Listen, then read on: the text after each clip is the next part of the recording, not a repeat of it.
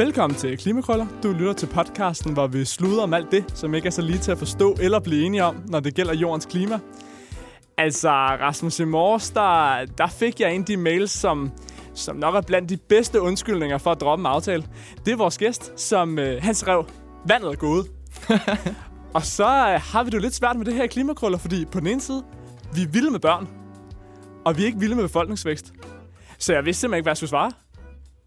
Jamen altså, jeg, jeg tænker bare, tillykke, Marker. Altså, det, der er noget, der Tillykke, er større tillykke, end, øh, tillykke. end et podcast-afsnit, men øh, jeg ved ikke, øh, hvordan har I det med det? Ja, når du siger I, så er det fordi, at uh, Catherine, du er kommet fra Redders. Ja, men øh, det gør jeg jo altid. Når en kollega er i gang med et fød, så er man nødt til at øh, træde til. Ja, selvfølgelig. Og du, du har det fint både med børn og med befolkningsvækst. Ja, det har jeg. Eller ikke med befolkningsvækst, men altså, vi skal være klar over, at det, der bidrager mest til befolkningsvækst lige nu, er ikke det antal, der bliver født, men at vi er nogen, der egentlig ikke er så gode til at respektere vores udløbsdato. Fordi der er to ting, der får en, en befolkning til, til at vokse, og det er det antal af mennesker, der kommer ind i populationen, og fødselstal er for nedgående hvor- over hele verden. Og det andet er, hvor mange forlader, og vi er ikke så gode til at forlade det mere. Heldigvis der. Ja, det er rigtigt. Vi lever lange, lange liv. altså, vi skal jo næsten... Er, er- det, er det ikke bare sådan, at vi skal have færre læger, eller, eller hvordan? altså, Det tror jeg ikke er løsningen. Det tror jeg ikke, du får mange med på. Jo. Men øh, Jeg tror, det er lettere at skrue på vores forbrug, end det er på vores øh, sexliv. det har du Ja. nok ret i. det er nok rigtigt. Det, det er til de kloge. Rasmus, øh, vi har simpelthen, selvom Catherine, du har hoppet ind allerede her fra starten af, så er det et klassisk afsnit klimakrøller, så du har taget nyhed med. Jamen, øh, det har jeg, det har jeg. Og øh, det, er, det er jo ikke helt klassisk, vel, Jacob, fordi at, øh, vi har ligesom merged de to, ikke? nyheden og, og interviewet her.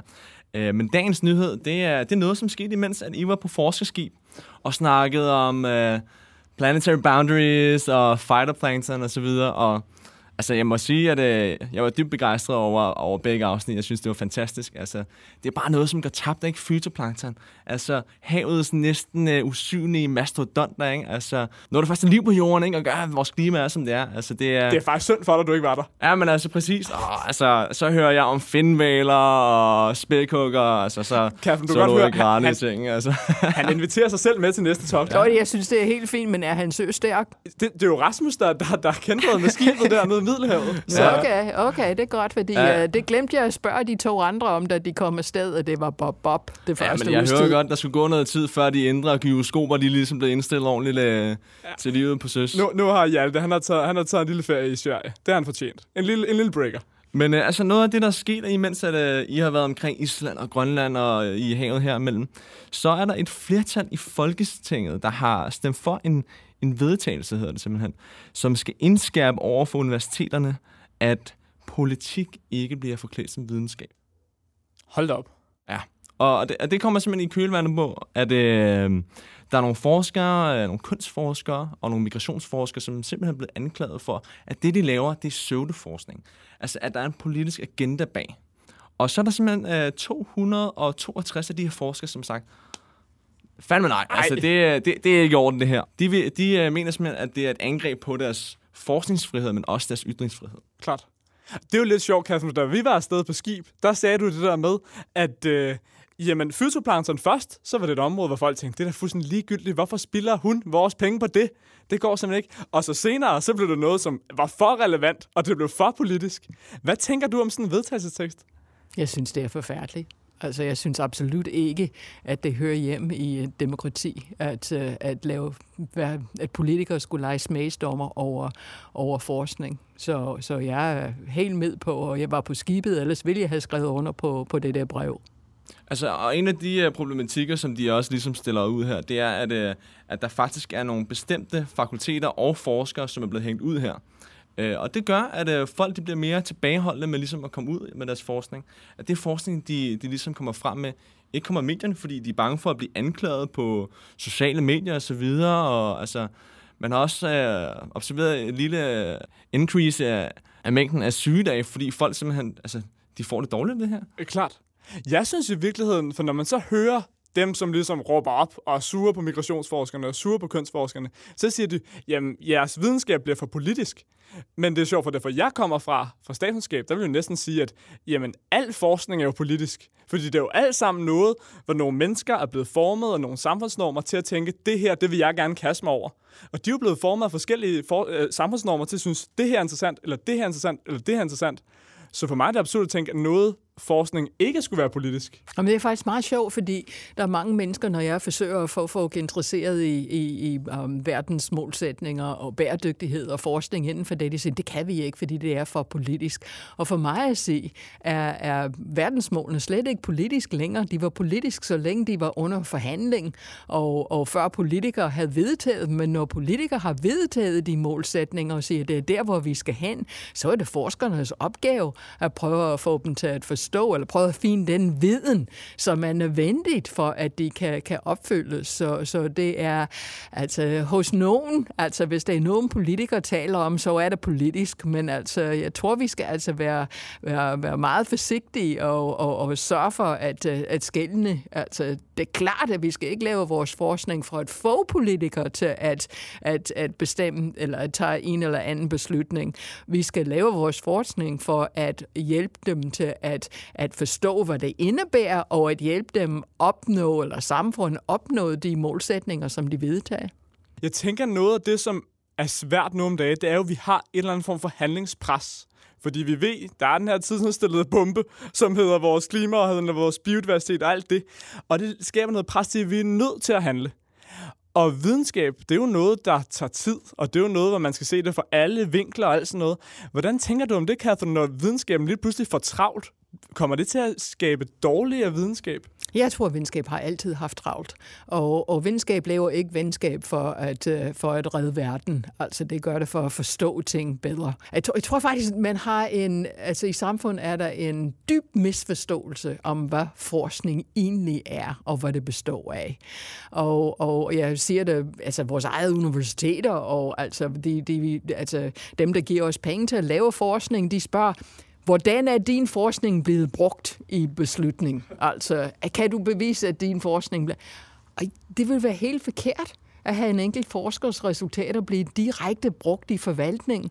Fordi altså, forskning består af at indsamle observationer. Hverken mere eller mindre, uanset hvilke, hvilke fag du er i. Det er et spørgsmål om at, at indsamle observationer og prøve at tolke de observationer. Vi forventer også, at en forsker tager de observationer, som vedkommende har samlet, og prøver at komme med den bedste forklaring, som vedkommende kan se for, hvorfor det skulle se sådan ud.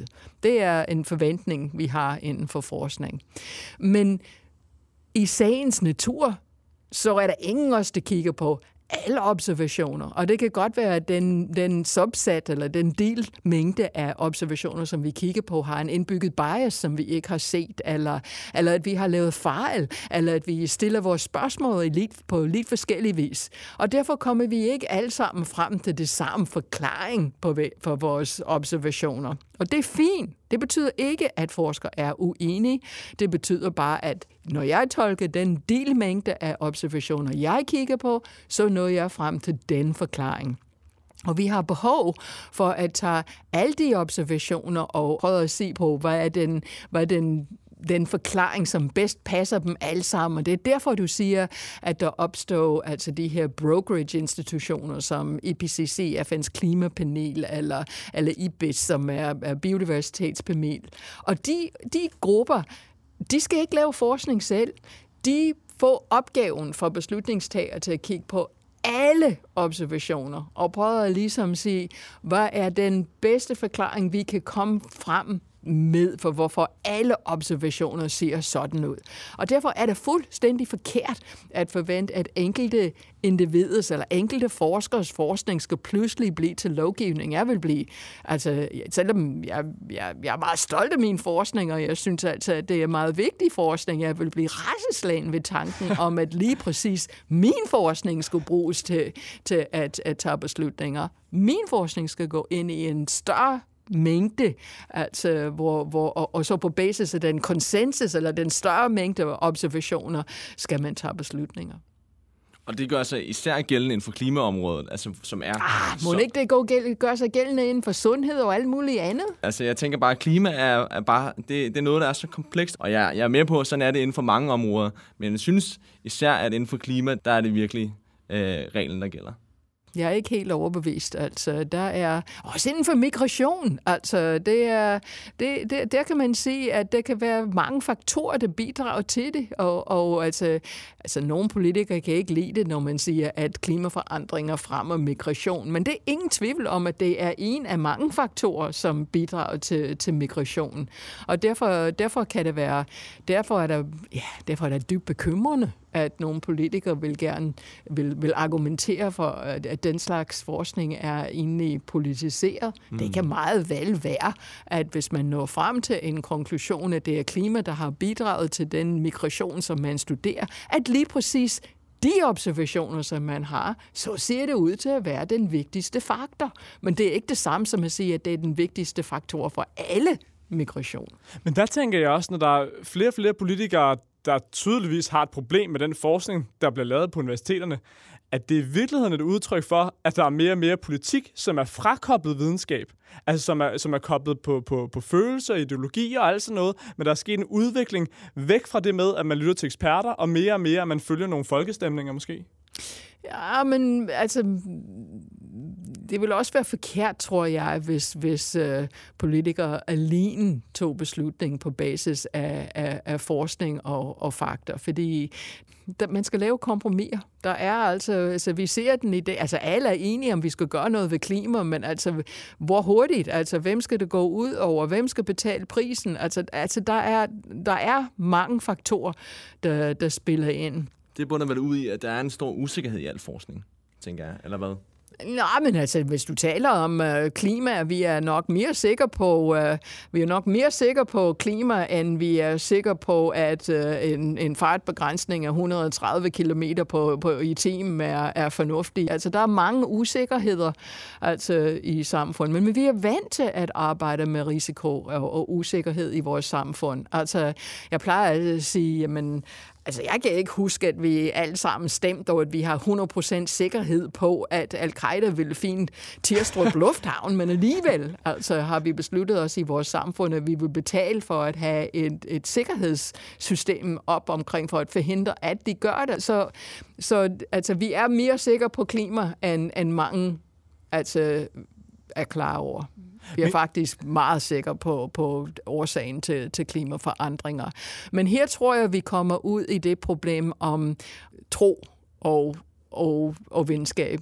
Og, og der er altså Altså, der er mange følelser i, i noget som klima, og bare se i USA, hvor, hvor, hvor det er virkelig et politisk, altså det er, altså hvis min, hvis min stamme, altså hvis jeg er republikaner, og min stamme ikke tror på det her, så gør jeg heller ikke. Det er lige meget, hvad, hvad forskerne siger, selvom man er, er ret sikker. Og der er ingen tvivl om, at vi siger en bølge verden over lige nu om populismen, altså at uh, altså hvis vi ikke kan lide fakta, så, så skal vi prøve at finde noget andet, og det er derfor, vi, det er derfor, vi er kommet ud i det her med fake news og altså, alternative fakter. Jamen altså,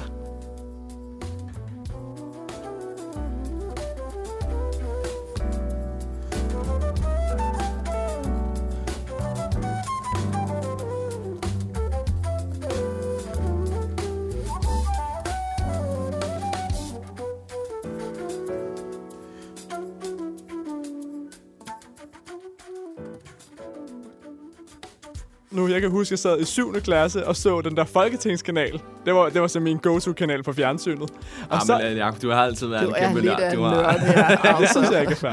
Der, der, var, der var en ordfører fra, fra DF op på, op på talerstolen, og hvor hun så sagde, i DF, der lytter vi ikke til eksperter. I DF, der har vi en mening om tingene. Det har hun jo ret i. Det er jo det, politikere skal kunne, derover at have en mening om tingene.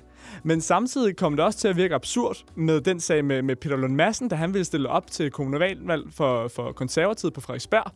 Hvor han stillede op, indtil der var nogle journalister, der spurgte ham, jamen betyder det så også, at du går ind for hårdere fængselsstraffe? Og hvad han sagde, nej, al, al forskningen tyder jo på, at, at det at skyde selv i foden, det giver ikke nogen mening. Og så var han simpelthen nødt til at trække sig igen, fordi at, jamen, det var jo en del af de konservatives politik, og det var en del af de holdninger, de havde. Og jeg tænker bare, at det virker som om, der nu om dage er mere og mere spænd mellem, at politikerne de har nogle holdninger, som trækker opmærksomhed, men det går imod noget forskning på det pågældende område. Jeg tror faktisk, altså, og det er tro, det er ikke noget, jeg har evidens for, at det har faktisk noget med vores adgang til, til, til sociale medier og til internet og til kabelfjernsyn. Altså den store polarisering, som man siger i USA nu. Jeg er ret sikker på, at det startede dengang, der kom kabelfjernsyn, fordi man kan vælge sin egen sandhed, og man får sin sandhed for dem, man stoler mist på.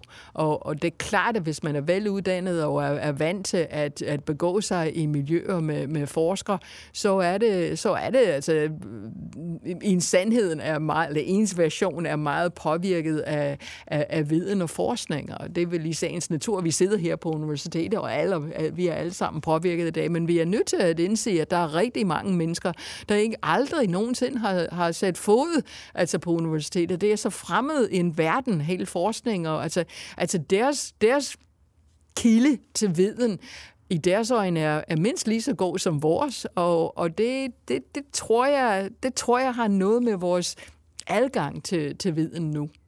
Og der er vi jo virkelig glade for herhjemme, at vi har Danmarks Radio, som ligesom er den her altså, offentlige nyhedstjeneste, som på en eller anden måde er noget, vi kan stole på i høj grad i forhold til amerikanske medier. Men samtidig er det jo sådan, nu startede vi med at tale befolkningsvækst her i starten, jeg så en nyhed her i januar måned, tror jeg det var, på, på dr.dk, som handlede om, at vores fødselstal herhjemme i Danmark, det var faldende, og det var altså skidt. Det skulle man forstå, fordi det gik jo ud over vores BNP og vores økonomi her i landet. Og det blev ligesom bare slået fast, fordi det var ligesom den, den gældende konsensus blandt de forskere, som DR i hvert fald havde talt med. Er der ikke også en fare i, når det meget er én virkelighed, der kommer frem i vores mediebillede? Jamen, det er klart, det er der, men, øhm, men altså, jeg, jeg, jeg vil alligevel give dig ret i, at vi skal, altså, vi skal gøre alt for at værn om, at vi har en, en, en offentlig altså nyhedstjeneste af den art. Altså, det kan godt være, at, øh, at du og jeg er uenige om, hvad der skulle ske, men vi har begge to hørt de samme nyheder. For altså, da klokken, altså, fyldt, eller klokken 12 hørte vi begge to de samme nyheder, og vi kan drage vores egne konklusioner ud for det. Og jeg har i lang tid, jeg følger jo medier i USA, og i lang tid troede jeg, at jeg kunne læse Fox News, og så CNN, og så lægge dem sammen og dividere med to, og så kom jeg frem til nogenlunde det, som...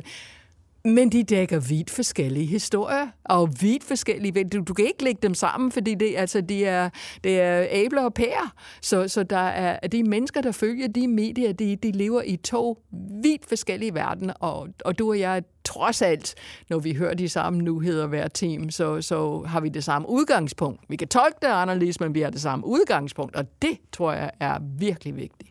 Jeg, jeg tror, jeg tror, jeg enig med dig, Kat, her, fordi altså det der med, at du, du har så mange valgmuligheder, og du kan vælge, okay, den her bunke af nyhedsbureauer, det er dem, jeg lytter til, og det er de historier, jeg følger.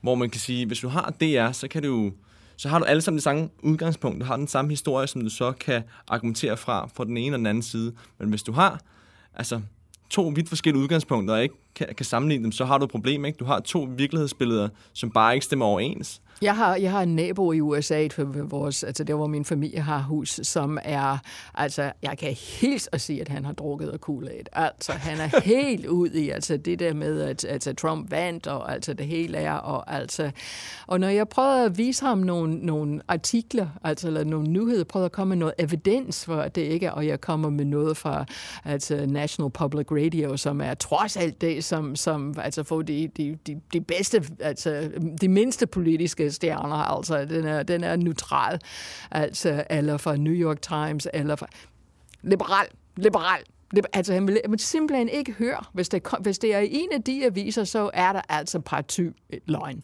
Altså, og han synes at Fox News er, er altså for meget til, til venstre, så han har fundet noget helt, helt, helt forfærdeligt derude. Og det er faktisk imponerende fund. jamen altså, men, men altså, han vil, altså, ja, at, jamen, øh, man tror, det er løgn, men altså, der er virkelig mm. mennesker, som, som er overbevist om, at alt det, der står i, i uh, også i National Public Radio, er løgn. Men der tænker jeg også, altså netop her under Trump-administrationen, hvor man så det med, at det begyndte at blive ulovligt for de interne forskere at bruge som climate change og sådan noget. Hvad vil dit svar være til de danske politikere, som nu ligesom prøver at gribe ind i, hvordan forskning skal laves på danske universiteter? Hvad vil dit sådan afsluttende svar være til dem? Jamen, det skal, det skal politikere slet ikke. Altså, vi har universiteter til at, øh, at, øh, at finde på nu viden, og de har en proces, der gør det, og de har en ledelse, der også sørger for, at alle gensidige regler er overholdt, og man har en peer-review-proces. Vi har ikke at have politikere som smagsdommer over den forskning, vi laver. Det synes jeg var en god, øh, god afsluttende bemærkning. Tak til lytterne for, at øh, de vil lytte med, og tak til dig, Kasper, for at du ville komme. Jeg, øh, jeg hopper selv på ferie næste uge, så hopper jeg til Bornholm. Så er det dig, Jalle, der overtager skibet, Rasmus. Yes, jamen øh, det bliver nogle sjove konstellationer, vi får her over sommeren, men det bliver bare dejligt. Det bliver bare skønt. Tak, Catherine. Selv tak. At